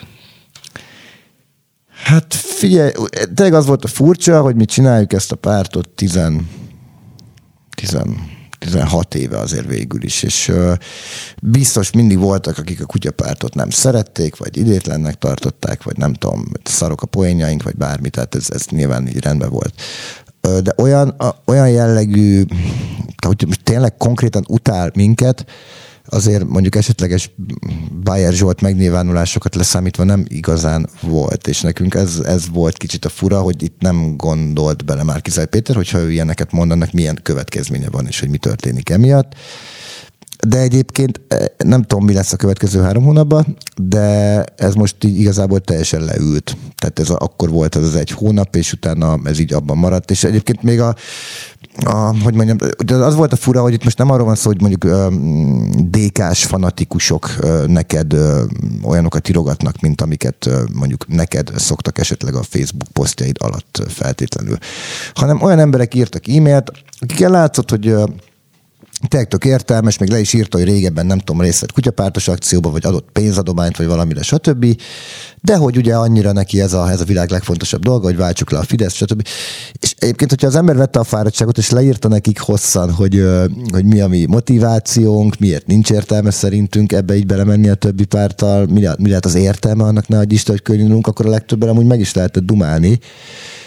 Csak nem jó ezzel tölteni a, a napjaidat. Tehát, hogy ö, tényleg, tényleg, tényleg ebből a szempontból és hát azért a legtöbbször ugye nekem kellett ezekre mondjuk válaszolgatni, amiket ott írtak emberek. Én nem tudtunk kiposztolni úgy egy padfestést, hogy ne, ne, ne ezen pörögjön mindenki, hogy majd a Fidesz miattunk nyer meg minden. Most szerintem ez egy kicsit elinflálódott ez a, mindenki a Fidesz szekerét tolja típusú, típusú kommunikáció. Szerintem most már ez így kicsit lepattant, vagy nem tudom. Így... Hát nem tudom, én a mai műsorunkat úgy harangoztam, hogy minőségi szekértolás következik. Amúgy el tudnál-e képzelni egy kétfarkú kutyapárt kereszténydemokrata néppárt kormányt? Hát persze, hogyha, hogyha mondjuk ilyen 90% feletti eredményünk van, és azért mégis azért jó lenne 95%-os többség a parlamentben, akkor szerintem jöhet, jöhetne, a, jöhetne a kereszténydemokrata néppárt. Nekik mit kínálnátok fel? Tehát még egy vadászkiállítást azért nem tudtok szervezni. Apropó, majd ha megbeszéljük, hogy mivel vesztegetitek meg a KDNP-t, akkor még a vadász kiállításról majd kérdezek ezt azt. Hát figyelj, megkaphatnák a Kossuth téri erdőt. Ugye mi egy fős parlamentben gondolkodunk, ugye úgyis mindig azt szavazódik meg, amit a többség szeretne. Emiatt ugye le lehetne bontani a parlamentet, illetve hát nyilván átvinnénk a Kajmán-szigetekre, egyszerűbb ott intézni a üzleti ügyeket, nem kell ide-oda utazgatni, és a Kossuth téren pedig erdő lenne, és ott ülne azon a fán egyébként az egy darab képviselő, és akkor esetleg megkaphatnák a vadászati jogot a, a KDNP-sek ott a Kossuth Székelyföldi erdőben. No, hát akkor nézzük viszont a vadászati kiállítást hogy ugye ennek a 12 évnek voltak ilyen nagy reprezentatív eseményei. Az egyik ilyen volt a vadászati kiállítás, és de volt még több minden más is. Sportesemények, nagy kiállítások, és így tovább. Abban az esetben, hogyha a kutyapártnak erre ráhatás lesz, akár úgy, hogy kormányt alakítasz, vagy a kutyád, akár úgy, hogy az ellenzék többség az a ti szavazataitoktól függ. Milyen ilyen rendezvényeket csinálnátok az országnak? Tehát mi az, amivel felpróbálnátok hívni a figyelmet Magyarországra, ilyen nagy, kitüntetett állami események, melyek lennének ebben az esetben? Hát az összes ilyen nagy költségvetésű kiállításnál ott szerintem azért jóval több külföldit lehetne vonzani, hogyha pusztán azt a pénzt, amit erre költünk, azt így összehordanánk egy kupaszba, és így, így meggyújtanánk, és elégetnénk, és szerintem több millió turista jönne ide megnézni. A vadászati kiállítást nyilván bizonyos feltételek mellett meg lehet tartani, lehet, hogy magukat a, a vadászokat kellene ö, inkább ö, kiállítani, és akkor őket, őket nézegethetné meg a, meg a nagy érdemű.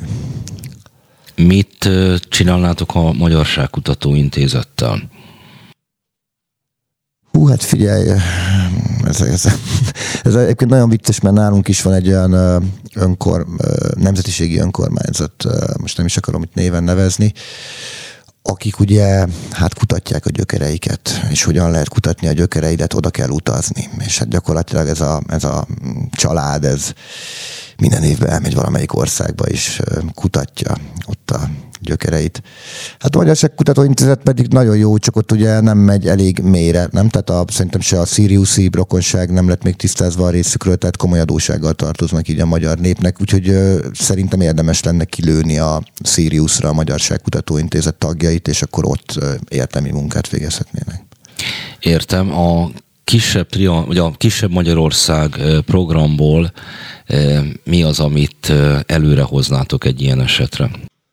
Hát az egész kisebb Magyarország programot előre hoznánk, mert sokkal könnyebb lenne összegyűjteni az aláírásokat, hogyha harmadekkorra lenne ez az ország. Egyébként pont, pont ezen beszéltük, hogy milyen lehet mondjuk Oroszországban aláírás gyűjteni, hogy akkor hú, most kéne egy standot még Szibériába, valahogy küldjük oda. Jó, nyilván le is csuknának másnap, csak hogy elmész egy passzivista aira. Hát akkor szerint... már nem. Hogyha magától, magától kiküldesz valakit Szibériába, szerintem azt... Igen, májában, igen. Csak tényleg azt, hogy most akkor el kell menni Vladivostokba egy ö, ö, passzivista találkozóra, és akkor utazol, nem tudom, 36 órát. Ö, így belegondolva, hogy a, a milyen szinten van az oroszországi demokrácia, egyébként biztos vagyok benne, hogy ez egyébként az egyik oka. Tehát, hogy egy ilyen hatalmas országban azért, azért, azért elképesztő lehet felépíteni egy pártot, mondom, még ehhez még Magyarország is túl nagy. Milyen meg, megpályáztatnátok azt is azokat a megyéket, amelyek leválnának akkor Magyarországról, vagy ezt ilyen központi akarattal Orbáni módon dönténetek el? Hát nyilván, ahol nem, tehát ami gazdaságilag nem annyira éri meg, azt, azt, azt le kell, de hát például vannak, amiket ugye meg visszavennénk, tehát ugye, ugye Erdélyt, azt nem csak Trianon városát, hanem magát Erdélyt is mindenképp Magyarországhoz kéne csatolni, ugye ezt hogy lehet megoldani? Magyarország nem szokott háborúkat nyerni. Mit tudunk tenni? Megtámadja Magyarország Erdélyt, hadat üzenünk Erdélynek, majd hagyjuk magunkat. Erdély elfoglalja Magyarországot, és egyesült újra két ország értem, vagy legalábbis megpróbálok úgy csinálni. Viszont, hogyha Oroszországot említetted, hogy milyen lehet ott, még a hátralévő percekben elcsünk arra is alkalmat, hogy teremtsünk arra is alkalmat, hogy a kétfarkú kutyapárt nemzetközi kapcsolataiba bevilágítást engedjél. Vannak -e egyáltalán ilyenek? Hát ugye a, most a, leszámítva nyilván a Sirius is sörpártot, meg a Numédeszi Gala, kolonialista pártot, Galakto kolonialista pártot, a, a német viccpárt egyébként, akikkel végül is úgymond tényleg voltunk kapcsolatban, sikerült is meghivatnunk magunkat Strasbourgba egyszer pár napra, és akkor meg Találkoztunk is. is. Igen, találkoztunk is. Tehát ők azok, akik vannak, ők egyébként most is jönnek majd segíteni, idézőjelben segíteni a aláírás gyűjtésre. Képzelheted, mennyire hasznos ugye a pusztán németül beszélő sörrel a kezében német viccpárt passzivista, amennyi, amikor éppen mondjuk Jászberényben aláírás gyűjt. 18-ba is jöttek, és ugye az volt, hogy nem igazán láttuk, hogy ennek most effektíve mi az értelme, és azért az a két hét az elég feszített volt, amikor aláírás kellett gyűjteni. Úgyhogy mi elengedtük a kezüket, és akkor így felbukkantak, így egyszer láttuk őket Sopronba, aztán valamit csináltak Debrecenbe. Tehát igazából ők az egyetlen, akikkel egyelőre, egyelőre volt ilyen, ilyen, ilyen konkrét kapcsolat. De hát például Csehországban most került kormányra a kalózpárt. Üdvözöltétek-e őket ebből az alkalomból? Hát figyelj, itt most egyébként van valami, és lehet, hogy lett, itt lesz valami, nem tudom pontosan az a baj, megbeszélés így a kalózpártok között, és oda igazából elmehetnénk ilyen uh, megfigyelő státusz-szerűséggel. Ez most lesz egyébként valamikor két héten belül, és akkor, akkor, akkor lehet elmegyünk megfigyelni, megfigyelni őket. Az egyébként egy teljesen jó státusz a megfigyelői minden ilyen szituációban. Fizetik a repiköltségeket, és egyébként nem csinál semmit, szavazat sem kell. Igen, itt ilyen volt a, a, az EBESZ, EBESZ által küldött megfigyelők is 2018-ban úgy kerültünk kapcsolatba az EBESZ, ugye jöttek megfigyelni a magyar választás tisztaságát, és igazából úgy kerültünk velük kapcsolatba, hogy mentem át gyalog a Blahalúza téren, és felismert valamelyikük, és odajött, hogy szia, én, én, én az EBESZ megfigyelő vagyok, és jöttünk itt dolgozni, és én akkor irigyeltem azért ezt a munkát, ahol végül is így, így random találkozó teleken emberekkel. De egyébként ilyesmit, ha mondjuk kormányra kerülnétek, ezt is meg tudnátok pályázattal csinálni. Van rengeteg tisztség, ahol Magyarország küld mindenféléket, azokat ugye bár ilyen pártkáderek utazgatnak ki, hát szerintem számtalan tér nyílik arra, hogy amit a kampánypénzetek felhasználásában megvalósítottatok, az kiterjesszétek az állami lép egyéb területeire is. Hát igen, de ha már itt, tehát akkor valószínűleg eljutnak oda, hogy kellene, hogy a kutyámnak legyenek gyerekei is még több, mert akkor így a pozíciókat ugye valahogy mégiscsak, mégiscsak el kéne foglalni. Van Tiborc nevű gyermeke bármely kutyá, nem a kutyádnak van olyan gyermek, akit Tiborcnak hívnak? Hát olyan van, akit hívhatunk Tiborcnak, de még nem próbáltuk, de, de hívhatjuk, igen. Ja, már nem tiltotta meg kategórikusan. Hát ne, ilyen, ilyen megkeresés nem jött a részéről, hogy ne nevezzük el Tiborcnak a gyereket. Jó. Nem fejeztük azt be, amit így megpendítettünk csak, hogy nem, nem jelentkeztek nálatok nagy mennyiségben oligarchák és Mészáros László próbálnátok felépíteni, és Várkonyi Andránál valahogy elakadtunk ezen a, a téren, de egy nem ilyen nagy léptékű, de azért mégiscsak meg kell említenem, vagy meg kell kérdeznem hogy föltehetőleg a kétfarkú kutyapárt hátterében nincsenek olyanok, akik egész országra kiterjedő vállalatbirodalmat akarnak a ti választási eredményetekből elérni. De azért arra mégis mi a garancia, hogy kisebb szereplők nem tudnak úgy megjelenni az uszájotokban, akik azt a helyzetet megpróbálják majd kihasználni, hogy ti bekerültek a parlamentbe, amennyiben bekerültek a parlamentbe. Hát gondolom ez el kéne fogadni valami fajta segítséget tőlük, de tényleg olyan messze vagyunk ettől, hogy még a sajnos ugye hát a megkeresések se érkeznek így a, a esetleges jövendőbeli oligarcháinktól. Egyetlen egy ember volt egyébként, aki a legnagyobb összeg, amit nekünk valaha utaltak, és én tudok róla, az, de, de valószínűleg tényleg ez volt a legnagyobb, az egy millió forint volt, ez még a tudta kampány idején jött. PayPal, PayPalon érkezett, és és a PayPal valahogy, nem tudom, besokalt tőle, és így visszautalta a, a fickónak az egy millió forintot, mert nem tudom, azt hitték, hogy nem tudom, pénzmosás, vagy túl nagy összeg volt. Viszont a kezelési költséget levonta, és nálunk maradt, és egy ilyen 35 ezer forint körüli összeg valami teljesen értetetlen módon végül is nálunk maradt, úgyhogy ő volt a, ő volt a legnagyobb, és hát nem, érted, én is ott vagyok képviselő, érted, izé tudnék tenni a cégekért, meg minden, és nem, nem, egyszerűen nem jönnek a, nem jönnek a megkeresések. Jó, mondjuk téged, de vannak olyanok, akik ilyenkor befolyással üzérkednek, még nagyon jó fejnek tűnik, meg is győz téged valamiről, hogy azt miért kéne megszavazni, és aztán kiderül, hogy azért ő jelentősebb mennyiségű lobby pénzt itt ott összeszedett. Figyelj, volt egy teljesen szürreális jelent, amit soha nem fogunk megérteni, amikor a Suzi alpolgármester lett, akkor pár nappal később megjelent nála egy ilyen elegáns, középkorú fickó, aki a Suzi kezébe nyomott egy borítékot, és kérdezte Suzi, hogy mi ez, meg mi van, meg nem, nem, ő nem mondhat semmit, ő csak ezt hozta. És akkor így elment, és akkor a Suzi kinyitotta ezt a borítékot. Változatlan Dömen Zsuzsáról a, ja, igen. a alpolgármester. A 9. kerületi alpolgármester társelnök? Igen. Társelnökről beszélünk a Magyar Kétfarkú Kutyapár Dobrev Klárájáról. Igen, tehát az ismeretlen elegáns figura a kezébe nyomott egy borítékot, nem mondott semmit, majd távozott, és akkor a, ebben a borítóiban egy cégnek a neve szerepelt végül is mindössze. Mm, e, ez, amiről itt tudok, hogy tényleg jött ilyen konkrét.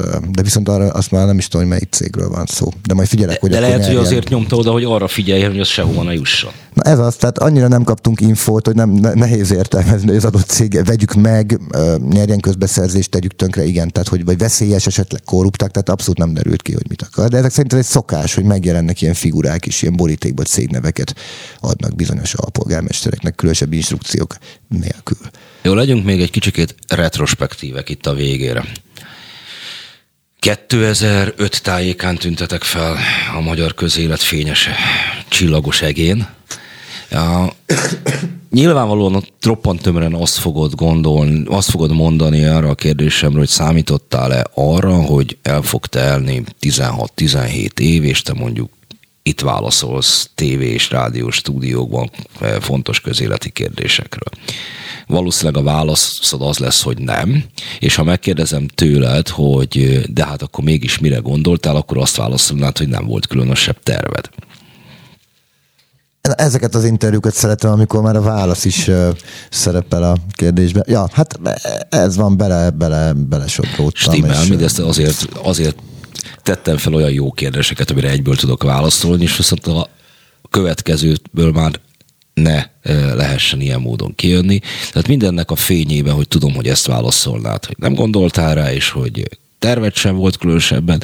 Mégis, ha mondjuk most 15 év múlva mm, látod magadat, akkor mit látsz? Mi lesz 15 év múlva veled, és mi lesz a kutyapártól? Még annyit a előzőhöz, hogy azért valamennyi előnye volt, mert arra emlékszem, hogy mi már általános iskolában, ugye akkor volt a rendszerváltás, alakultak a pártok, és volt két nagyobb baráti társaság az osztályba, és mind a két nagyobb társaság pártot alapított, természetesen nem hivatalosan, így a szüleinket beléptettük, és mi egyébként a Magyar Hülyéskedők Demokrata pártja néven futottunk már általános iskola, iskolában is, tehát ennyi előzménye azért volt. 15 év múlva, hú basszus, hát gondolom ugyanez lesz, mint ma, hogy ilyen, ilyen Excel táblázatokat töltögetek, meg passzivistákat hívogatok, meg, meg próbálok furcsa kérdésekre válaszolni. Ja nem, olyan, olyan nem, nem lebeg a, a szemed előtt, hogy végül is átveszed mondjuk az Európai Bizottság vezetését? Az Európai benne Bizottság van. vezetés, hát figyelj, akár. Na, ilyen túl sok konkrétumot nem tudok mondani, amit, amit szeretném. Mondjuk, ha lehetnék a parlamentben a vagyonnyilatkozat ellenőrző bizottság talán ott ezt házbizottság, vagy ügyrendi, nem tudom, tehát lehetnék, az nagyon fontos. Nem, ott van külön. Tehát van külön, van, van. szuper. Na hát azt nagy örömmel átvenném, és akkor meg lehetne azt is szüntetni végre.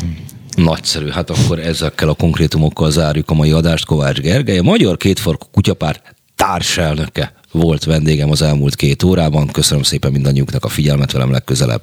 Holnap után lehet találkozni, de holnap is lesz az idő, szokott időben beszóló további szép délután. Köszönjük, sziasztok!